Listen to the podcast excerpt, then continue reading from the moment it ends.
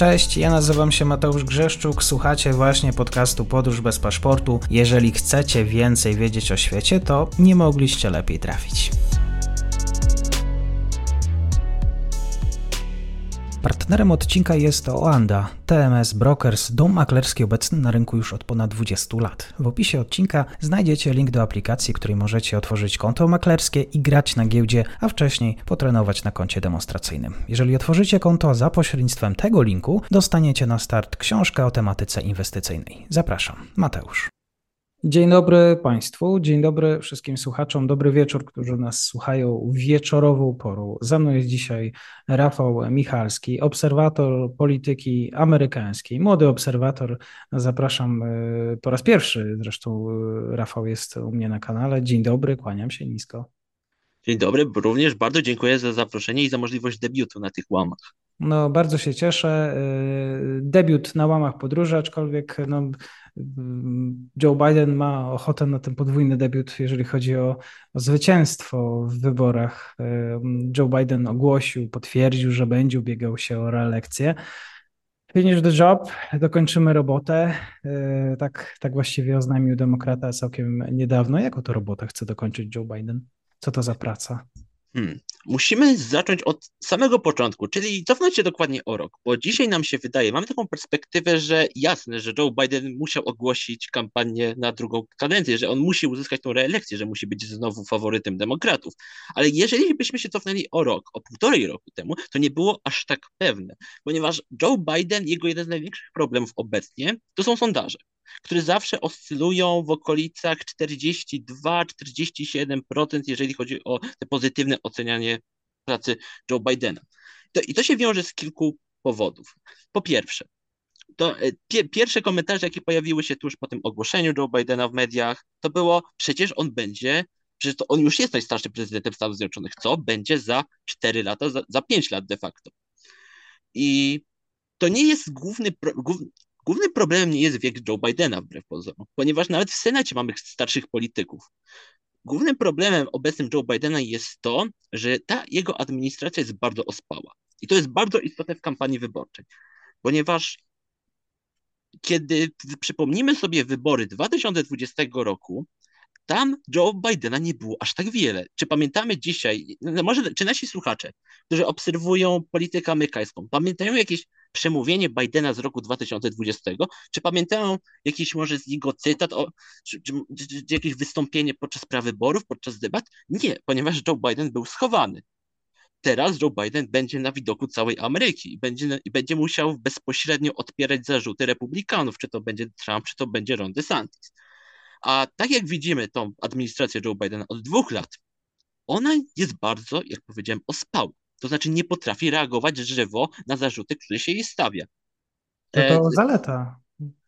Zaleta, zaleta albo wada, bo dzisiaj znów patrzymy na administrację, patrzymy na Amerykę, widzimy pomoc na Ukrainie, bardzo zdecydowaną. To jest prawda. Ale jak wyglądała sytuacja w kontekście Nord Stream 2? Kiedy było ogromne zamieszczenie w Białym Domu, kiedy zapra media zapraszały demokratów i ich pytały o politykę Joe Bidena względem Nord Stream 2, oni powiedzieli, Biały Dom się z nami nie kontaktował. I tam też te konferencje prasowe były takie bardzo enigmatyczne. E, wyjście wojsk Afganistanu to jest ulubiony przykład Donalda Trumpa. Tam też do dzisiaj w zasadzie nie usłyszeliśmy pełnych wyjaśnień, dlaczego to wyglądało tak, jak wyglądało. E, niedawno była katastrofa kolejowa w Ohio, e, w wypadku której niebezpieczne substancje znalazły, wydostały się i zanieczyściły środowisko. Mimo, że departamenty działały przez ponad tydzień, tak samo Biały Dom nie wydawał komunikatów, nie odpierał znowu zarzutów republikanów, którzy mówili, że administracja Joe Bidena lata po świecie, ale nie jest w Ohio, a my jesteśmy w Ohio. Była tam, by, by, był tam sekretarz Pete Buttigieg, ale nie było tam odpowiedzi.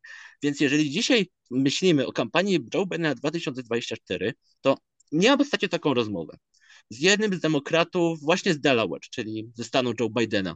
Ja się go pytam, no dobrze, ja, ja, co uważasz o Robercie F. Kennedy? Bo to pamiętajmy, że obecnie Joe Biden będzie walczył z dwoma pozostałymi ogłoszonymi kandydatami, czyli Marianne Williamson, która jest autorką książek, i Robert F. Kennedy Jr., czyli syn tego Roberta F. Kennedy'ego, kandydata na prezydenta roku 68.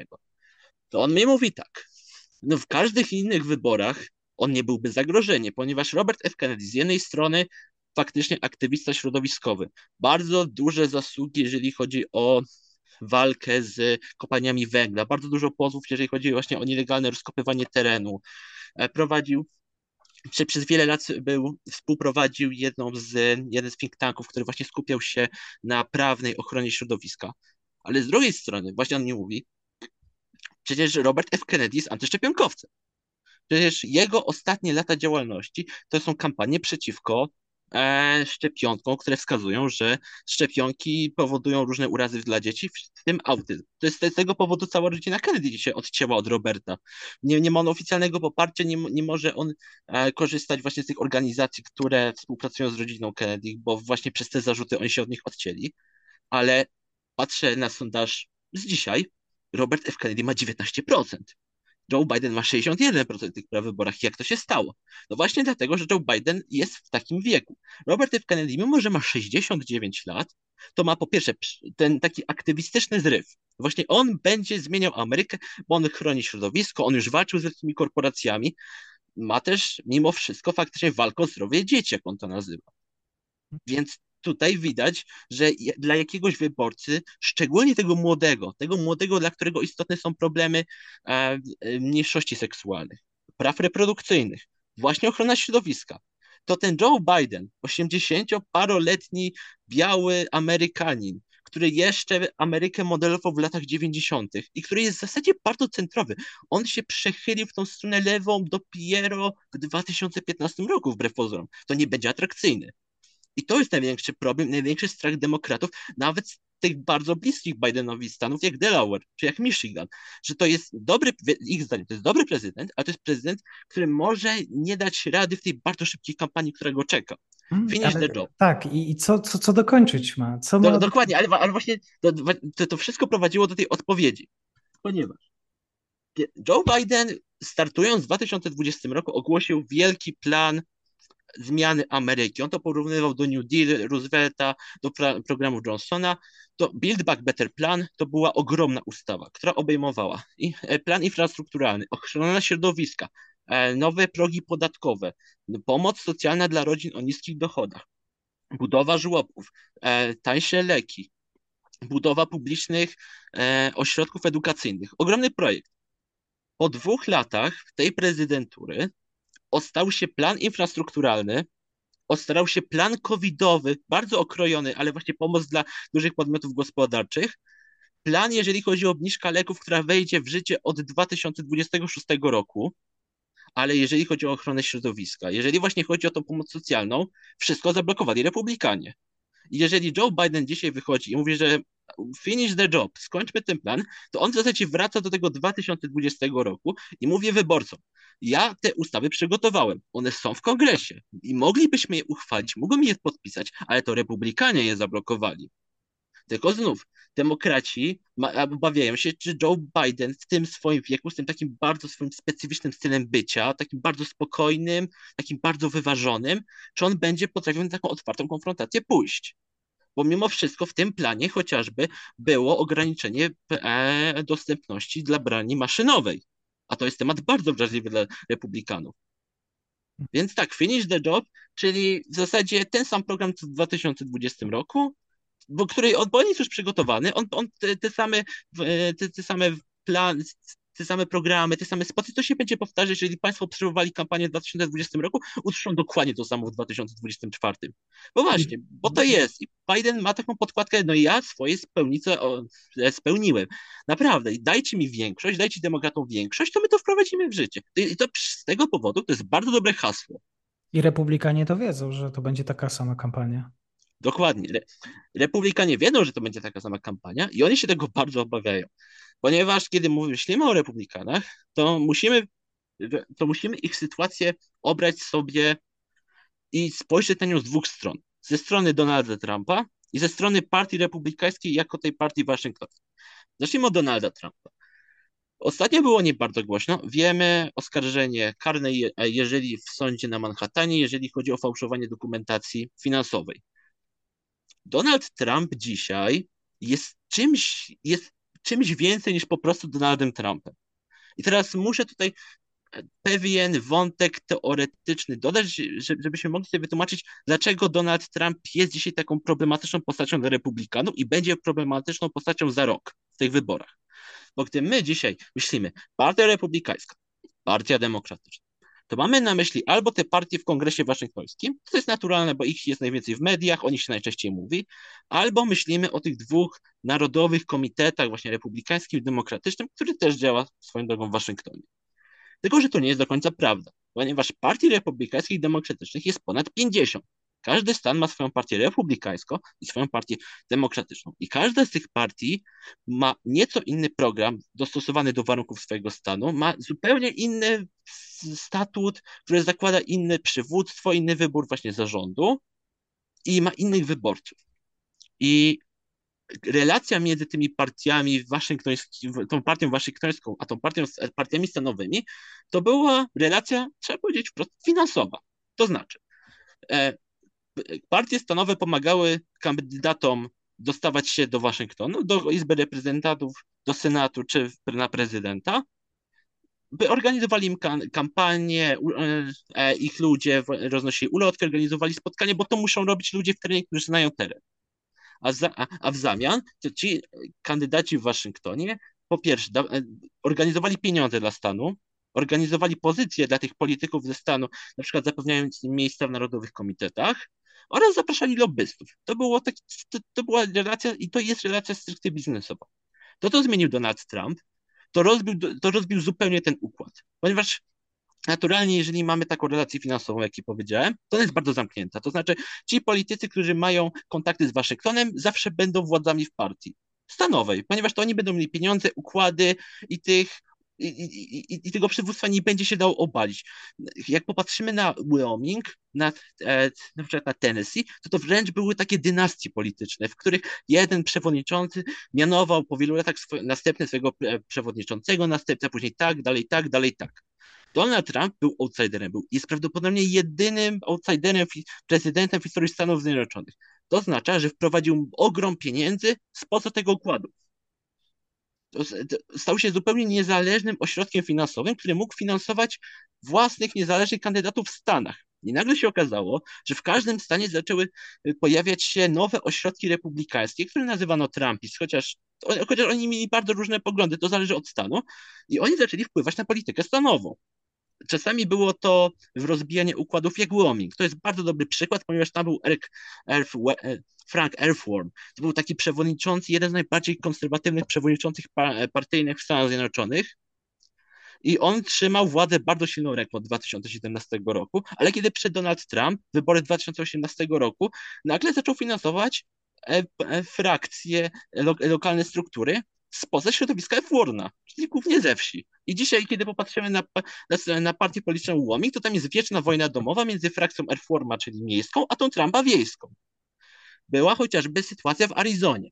E, John McCain jeszcze ze swojego życia, on był bardzo aktywny w polityce stanowej. On bardzo dbał o to, żeby żadne ruchy które wywodzą się z Tea Party czy z tych ruchów populistycznych, nie dostały się do zarządu. Nigdy, żeby nie rzuciły partią, ponieważ John McCain uważał, że jeżeli republikanie staną się populistyczni, to oni będą przegrywali kolejne wybory. 2018 rok mamy zupełną zmianę. To znaczy znowu pieniądze i środowiska Donalda Trumpa wybierają swoich kandydatów, mamy zupełną zmianę przewodnicząc, e, przewodniczącego partii. Nagle partia Arizony stała się partią bardzo wyraźnie konserwatywną, coś wbrew Johnie, Johnowi McCainemu. I to i dlatego, gdy mówię, że Donald Trump jest kimś więcej niż Donald Trump, to mam na myśli nie tylko to, że to jest teraz cała rzesza ludzi, która wybiła się dzięki Donaldowi Trumpowi, ale to jest rzesza ludzi, która ma swoje własne niezależne poglądy. Kiedy doszło do wyborów w 2022 roku i one są kluczem do zrozumienia dzisiejszej sytuacji republikanów, okazało się, że wiele z tych nowych e, przewodniczących ludzi w zarządach nie ma doświadczenia politycznego i zaczęli przegrywać wybory. Michigan. Pierwszy raz od wielu lat demokraci mają większość w kongresie stanowym. To było szokiem dla, e, dla polityków. Przed wyborami, tydzień przed wyborami dostałem od znajomego demokraty, który działa, który działa lokalnie w jednym z takich bardzo, bardzo niebieskich dystryktów i on mi pokazał sondaż. Jak, jak ich zdaniem będzie, będą wyglądały wybory. Okazało się, że 3 listopada wynik był o wiele lepszy niż zakładał najlepszy scenariusz, który oni mieli w tych sondażach. To znaczy, to znaczy Michigan, które zawsze było bardzo centrowe, ani na lewo, ani na prawo, odrzuciło Donalda Trumpa, który, którego ludzie byli bardzo populistyczni, którzy od razu zechcieli podjąć narrację o dostępie do broni, do aborcji, że trzeba zlikwidować wszelką ochronę środowiska. No i co się okazało? I nagle przegrają republikanie. I dlatego dzisiaj gdy mamy Donalda Trumpa, to republikanie zastanawiają się, na ile my potrzebujemy tego Donalda Trumpa. Czy może on tylko powinien być w polityce federalnej, a my się powinniśmy od niego odciąć w Stanach. Tylko, że to znów rodzi kolejne niebezpieczeństwa. Już się mówi chociażby w Pensylwanii, gdzie Donald Trump na swojego kandydata do Senatu Federalnego wybrał doktora Oza, czyli dziennikarza, publicystę, eksperta zajmującego się lekami.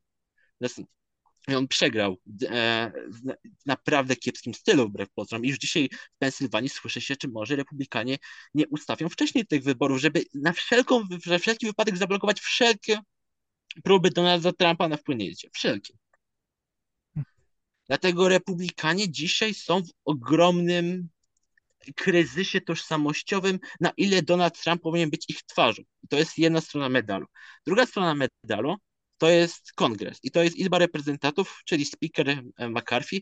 Wszyscy, którzy z naszych widzów, którzy obserwowali wybory na przewodniczącego w styczniu, na speakera właśnie Izby Reprezentantów, pamiętają, jaki to był ciężki proces i, i jak, jak, często, jak w wielu wyborach McCarthy nie mógł zdobyć większości. Dlaczego nie mógł zdobyć większości? Ponieważ potrzebną mu liczbę e, reprezentantów stanowili członkowie Freedom Caucus. To był taki odłam libertariański, który wywodzi się też z Tea Party to jest najbardziej przechylony na prawo skrzydłów całej partii republikańskiej. Oni powiedzieli, e, jak, donoszą nam dziennikarze, że oni wymagają walkę z Medicare, z obcięcie Social Security, najlepiej e, zmniejszenie liczby stanowisk e, agentów IRS. A to, to, to, są postulaty, na które McCarthy nie może się zgodzić, dlatego, bo wie, że ten niezależny wyborca na, może popierać Medicare. Dzisiaj z tych usług socjalnych korzysta 90 milionów Amerykanów.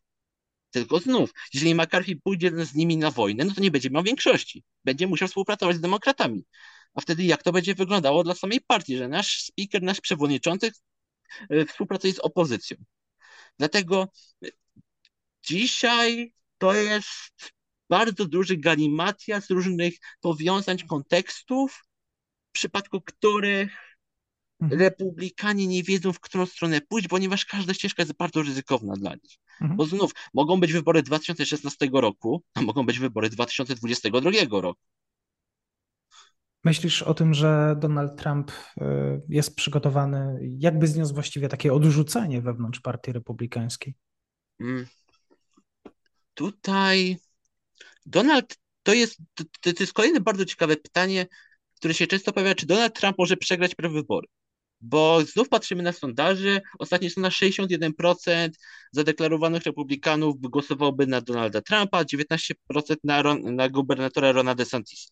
I tutaj znów musimy zrobić pewną wycieczkę w przeszłość do chyba najciekawszych wyborów w historii Stanów Zjednoczonych, a na pewno tych, które zapoczątkowały współczesną scenę polityczną i to, jak ona wygląda. Jak w, jak w ogóle wygląda proces prawyborów.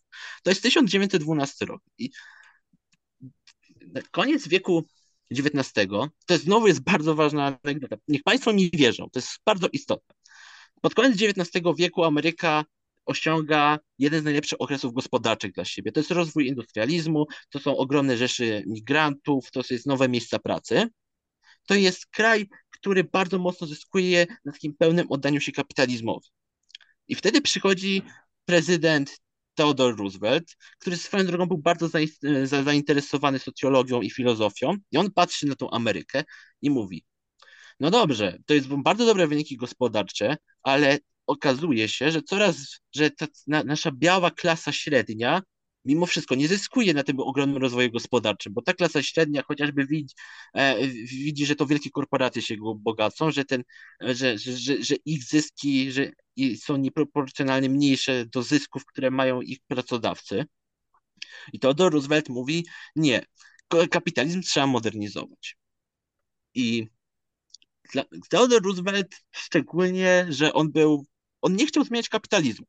On był wielkim zwolennikiem kapitalizmu. On był też zagorzałym antysocjalistą. Też jednym z większych antysocjalistów w historii Białego Domu.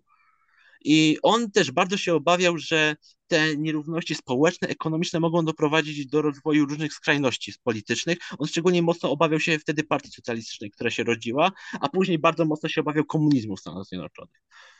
I on próbował wprowadzać te swoje progresywne reformy. Tak się rodzi epoka progresywna. To jest epoka, w której prawa obywateli mają być bardziej chronione niż prawa korporacji. To, to znów, to była tylko modernizacja kapitalizmu. To była e, próba e, wprowadzenia podatku dochodowego, oznaczenia na mieście, żeby było wiadomo, co jest i w jaki sposób zostało ono przygotowane. I on kończy swoją prezydenturę w 1909 roku. Przychodzi Teodor, e, nie, przy, przychodzi prezydent Taft. I pre, prezydent Taft jest zagorzałym konserwatystą. Prezydent jest byłym prokuratorem generalnym i jest człowiekiem, który uważa, że kapitalizm jest, że jeżeli kapitalizm działa, a dla Ameryki działa, ponieważ, ponieważ rośnie e, wzrost gospodarczy, ponieważ rosną wszystkie słupki, więc musimy zostawić kapitalizm. I on wszystkie reformy Teodora Roosevelta próbuje cofnąć. I dochodzi do 1912 roku, Teodor Roosevelt wraca do Stanów Zjednoczonych i dochodzi do wielkiej E, partyjnej, wewnątrzpartyjnej debaty, ponieważ mamy z jednej strony Tafta, a z drugiej mamy Roosevelta. Dwa różne koncepcje na tworzenie polityki wewnętrznej Stanów Zjednoczonych. Teodor Roosevelt nawet e, udaje mu się wywrzeć presję na zorganizowanie prawyborów stanowych, żeby to właśnie te partie stanowe wybrały je, w jakim kierunku one chciały pójść. Co się okazuje? Partie stanowe chciały Teodora Roosevelta, bo partie stanowe widziały, że ich wyborcy i mieszkańcy ich terenów to jest właśnie biała klasa średnia i ona widziała, że jeżeli oni nie wezmą tego elektoratu, to przyjdą demokraci albo socjaliści. A partia waszyngtońska, partia Tafta mówi, nie, mamy już swojego prezydenta, my nie będziemy teraz wchodzić w dyktat partii mniejszościowych, które mają mniejsze zasoby, mniejsze pieniądze, bo to my ich finansujemy. I dochodzi do rozłamu partii. Theodore Roosevelt tak naprawdę bierze część gubernatorów, bierze bardzo dużo e, ze sobą działaczy, aktywistów, właśnie wewnątrz tego systemu i dochodzi do bratobójczej wojny, w której wygrywa kto? Woodrow Wilson, który mhm. gdyby został wybrany albo Taft albo Roosevelt nigdy by nie wygrał, bo demokraci byli w tamtym momencie naprawdę bardzo słabą partią, bardzo niezorganizowaną partią. I dlatego i, I z tej historii morał jest taki, że kto obala prezydentów? Obala prezydentów zawsze partia stanowa. 1980 rok. Jimmy Carter.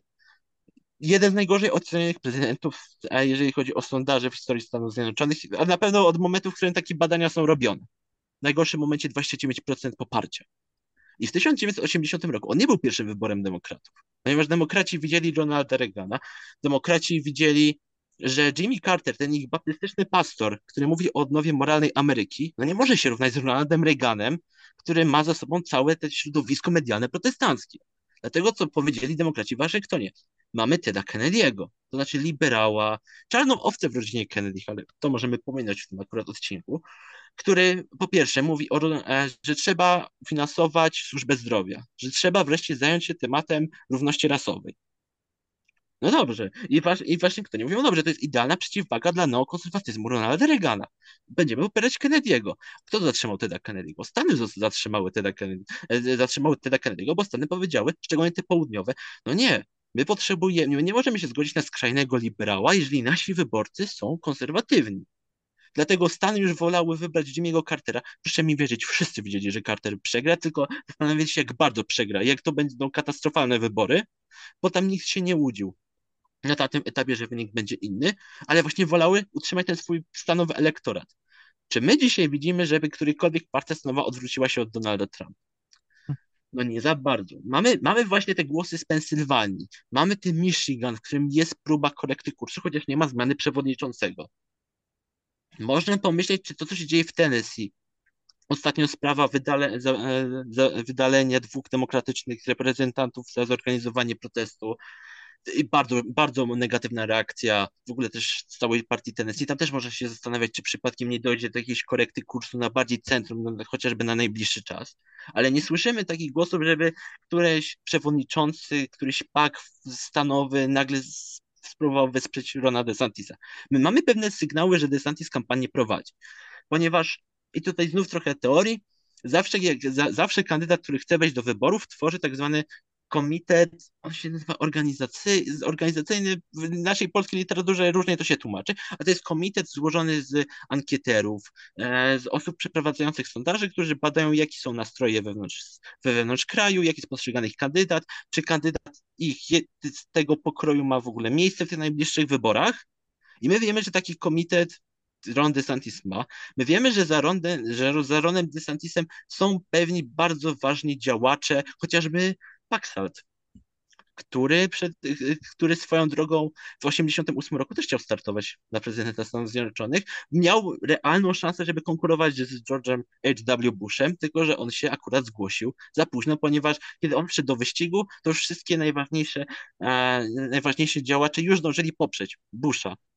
I, i, I, dlatego można się, można się zastanawiać, czy nie dojdzie do takiej ironicznej sytuacji, w której on akurat poprze DeSantisa, który też się bardzo mocno osiąga z, z gorszym wejściem do tego wyścigu i też będzie za paręnaście lat mówione, że on miał realną szansę, żeby walczyć z Trumpem, ale no znowu wszedł za późno. Mamy, więc mamy pewne sygnały ze strony właśnie najważniejszych stanów, bo to jest, jeżeli jedną rzecz mam bardzo mocno podkreślić w tym dzisiejszym odcinku, to jest proszę patrzeć na politykę stanową ponieważ tam to jest najlepszy barometr nastrojów obu partii, i republikanów, o których mówimy, ale tak samo demokratów. Jeżeli popatrzą Państwo na to, co się dzieje w Partii Demokratycznej Vermont, to też bardzo mocno wi widać pewne procesy, które się mogą przełożyć na sytuację w Waszyngtonie. Ale tak, na razie nie widzimy, ale DeSantis pr prowadzi kampanię, bywa w najważniejszych stanach, był chociażby, chociażby byli, byli ostatnio jego ludzie w Iowa, gdzie odbywają się właśnie pierwsze głosowanie w prawyborach. Było tam ponoć spotkanie z politykami z Iowa, tylko znów on prawdopodobnie jeszcze bada teren. Mhm. A, a Donald Trump... Szerokość analizy i w ogóle drobiazgowość wiedzy bardzo podziwiam, Rafale. Jestem pod wrażeniem, mógłbym tak słuchać i słuchać. Ja jestem tylko takim prostym zadawaczem pytań w związku z, z, wypowiedzią. Myślę, że ciekawi słuchacze fakt, e, jak w tym wyścigu, e, jaką rolę Ukraina dzisiaj odegra, jak myślisz, e, w, w przypadku obu kandydatów, obu partii? To niestety zmartwi naszych słuchaczy, polityka zagraniczna nigdy nie miała znaczącej roli, jeżeli chodzi o wybory prezydenckie. Może ewentualnie 2004 rok, ale wszyscy wiemy dlaczego. To było po 11 września. Y, na, nawet politycy, którzy byli antywojenni, na te jedne wybory stali się prowojenni. To była inna sytuacja zupełnie spojrzenie Joe Bidena na Ukrainę znamy. On prawdopodobnie nadal będzie akcentował potrzebę mhm. e, angażowania się w Europę, szczególnie, że Joe Biden znów jest politykiem zimnowojennym i on jest, o czym wielu dzisiaj z, osób sobie nie zdaje sprawy, on zaczynał swoją karierę za administrację Ronalda Reagana. Mhm. On za prezydentury Ronalda Reagana latał do Moskwy, e, spotykał się z różnymi dyplomatami, z różnymi urzędnikami właśnie w ZSRR i prowadził kampanię z namaszczeniem Ronalda Reagana, więc on jest, on jest prezydentem, który myśli o polityce zagranicznej w tych bardzo zimnowojennych standardach, więc jasne, że u niego to będzie wracać, ponieważ on znów, on się wywodzi z Ameryki, w której ten, w której ten konflikt dobra i zła, demokracji i totalitaryzmu zawsze odgrywał bardzo kluczowe znaczenie, więc tutaj wiemy. Ale pojawia się sprawa Donalda Trumpa i to jest i szczególnie Donalda Trumpa, która budzi bardzo wiele emocji, ponieważ Donald Trump kiedy zazwyczaj mówi chaotycznie i zazwyczaj mówi niespójnie. To jego, jeżeli jego prezydenturę określić jednym słowem, to to byłby właśnie chaos. To w sprawie Ukrainy widać u niego pewną korektę kursu, na którą znów mam wrażenie, że wielu publicystów nie zwróciło uwagi. Jakiś czas temu był wywiad Donalda Trumpa z Tuckerem Carlsonem. Byłem dziennikarzem Fox obecnie. Wywiad półgodzinny, zupełnie pomijając e, opowieść o tym, jak wszedł do sądu i ludzie na jego widok płakali, go przepraszali, że muszą brać udział w tym teatrze i w e, oskarże, e, oskarżenie byłego prezydenta, tam Donald Trump całkiem dużo mówi o swojej koncepcji polityki zagranicznej. I to nie są już te półsłówka, które on na różnych wiecach mówił, że, że za jego prezydentury konflikt by się skończył w trzy dni, że on by się dogadał z Putinem. Nie. On tam tłumaczy, jaka jest jego perspektywa. Po pierwsze mówi, ja jako prezydent muszę rozmawiać nawet z dyktatorami, ponieważ dyktatorzy mają władzę, realną władzę. To oni mają duże pieniądze, to oni e, pośredniczą chociażby w handlu bronią, to oni mogą prowadzić handel bronią. Dlatego ja jako prezydent będę rozmawiał z każdym politykiem, ponieważ taka jest moja rola. To jest jego pierwsze. E, to, to, to, jest, to jest pierwsze zdanie, które on sugeruje, ale tam pierwszy raz wyartykułował. Mhm. Po drugie, są, e, e, po drugie, mówi tak. Jaśni, to, to będzie mniej więcej to będzie parafraza. On mówi: Największym zagrożeniem współczesnego świata jest zagłada atomowa. I on w tym wywiadzie ponad 10 minut spędza na tym, żeby opowiedzieć, dlaczego jego zdaniem konflikt atomowy byłby największą katastrofą w historii świata. I on, ta, i on, i on tak mówi o Bidenie. Największy błąd Biden, jaki robi w kontekście Ukrainy, to jest to, że on eskaluje do, do konfliktu, który może się zakończyć właśnie użyciem broni jądrowej. My znów, mieszkańcy Europy, czy Polski szczególnie, wiemy, że te różne słowa urzędników Moskwy o użyciu bomb atomowej to jest szantaż pewnego rodzaju. To, to, to, jest pewna medialna gra. My to wiemy. Ale jak można zakładać, że Donald Trump faktycznie dostrzega tam jakie, jakieś zagrożenie. On nie podaje w tym wywiadzie ani w żadnych innych mediach rozwiązania, co on by wtedy zrobił, ale on mówi, że musimy jakoś tą politykę modelować, żeby nie doprowadzić do tego ostatecznego użycia broni. I to, to więc, te, więc te pewne korekta, pe, pe, pewne jasne wyłożenie jego perspektywy na politykę zagraniczną znamy. Czy usłyszymy coś więcej? Prawdopodobnie będą, będzie, będzie musiał coś więcej powiedzieć, ponieważ republikanie są zaangażowani w pomoc na Ukrainie. I znów, a z, zaczęliśmy od wieku, teraz znów przejdziemy do wieku. Przecież wielu senatorów, wielu reprezentantów też jest politykami zimnowojennymi to też są politycy. I nawet jeżeli oni nie, e, nie pamiętają tych czasów, to ich patroni polityczni byli zaangażowani też w tą zimnowojenny konflikt Stanów Zjednoczonych z Związkiem Radzieckim. Więc tam tej partii poparcie dla Ukrainy w większości, powiedzmy, że dwie trzecie partii nadal będzie popierało pomoc dla Ukrainy i Donald Trump też musi do nich przemówić. Bo oni nie, bo, bo to nawet jeżeli dzisiaj słuchamy tych wywiadów nie z Tedem Cruzem, nie, nie z Rushem Haulejem, ale chociażby z tymi bardziej centrowymi senatorami, jak z McConnellem, to widać, że ich ta retoryka Trumpa nie przekonuje. Oni mimo wszystko będą wymuszali na nim, żeby jasno zadeklarował swoją pomoc. To nie będzie pomoc to prawda, moim zdaniem, proszę się nie łudzić, że to będzie pomoc taka sama, jaka była dla Joe Bidena, ponieważ to znowu jest zupełnie inne myślenie. Joe Biden się nie boi eskalacji, bo nie wierzy w eskalację.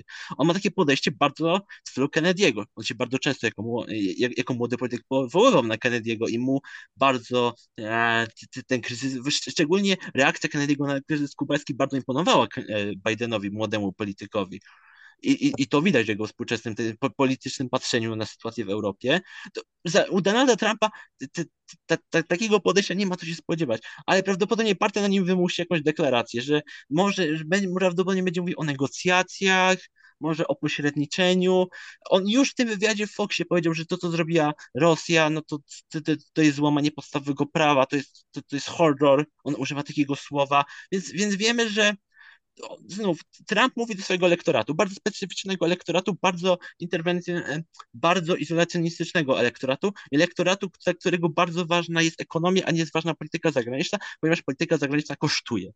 A, demok- a republikanie swoją e, narrację budują na oszczędzaniu, a nie na jeszcze większym wydawaniu. Więc znów Donald Trump nie może powiedzieć, że będziemy wydawać jeszcze więcej, ponieważ to by zupełnie zaburzyło tą budowaną przez niego narrację o tym, że Joe Biden doprowadza gospodarkę. Stanów Zjednoczonych do ruiny.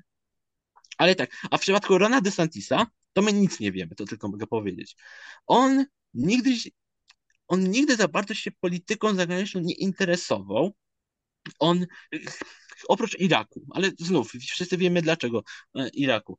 W, swojej książce, którą niedawno wydał, też jest jeden raz jest użyte słowo Ukraina i to nie jest też w kontekście sytuacji zagranicznej, tylko w kontekście e, komisji weryfikacyjnej, jeżeli chodzi o działania Donalda Trumpa na Ukrainie.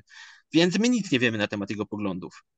Znów, patrząc na to, jak bardzo on jest konserwatywny, znów byłby prawdopodobnie bliżej ścinania ścinania tej pomocy. Tylko znów, to, to, teraz ja spekuluję, bo wszyscy możemy spekulować, bo my, nie, bo my nawet nie wiemy, czy, czy DeSantis się wejdzie do wyścigu, a po drugie, ja, jaką on strategię obejdzie, czy może on spróbuje znowu na te wybory. Jak on zaczynał, tutaj no, znów można przypomnieć, jak on, jak on startował pierwszy raz na gubernatora, on się prowadził jako centrowy kandydat. On nawet y, przyjął zaproszenie pewnej grupy LGBT na na, na, na, na uczczenie rocznicy. Więc może w tym razem też Ron DeSantis uderzałby w takie centrowe tony. My nie wiemy. Wiemy, że u Donalda Trumpa jakaś tam korekta jest, możemy się z nią nie zgadzać, możemy uważać, że to jest bardzo naiwne, naiwne myślenie, ale znów przynajmniej mamy jakiś konkret. Pierwszy raz mamy konkret.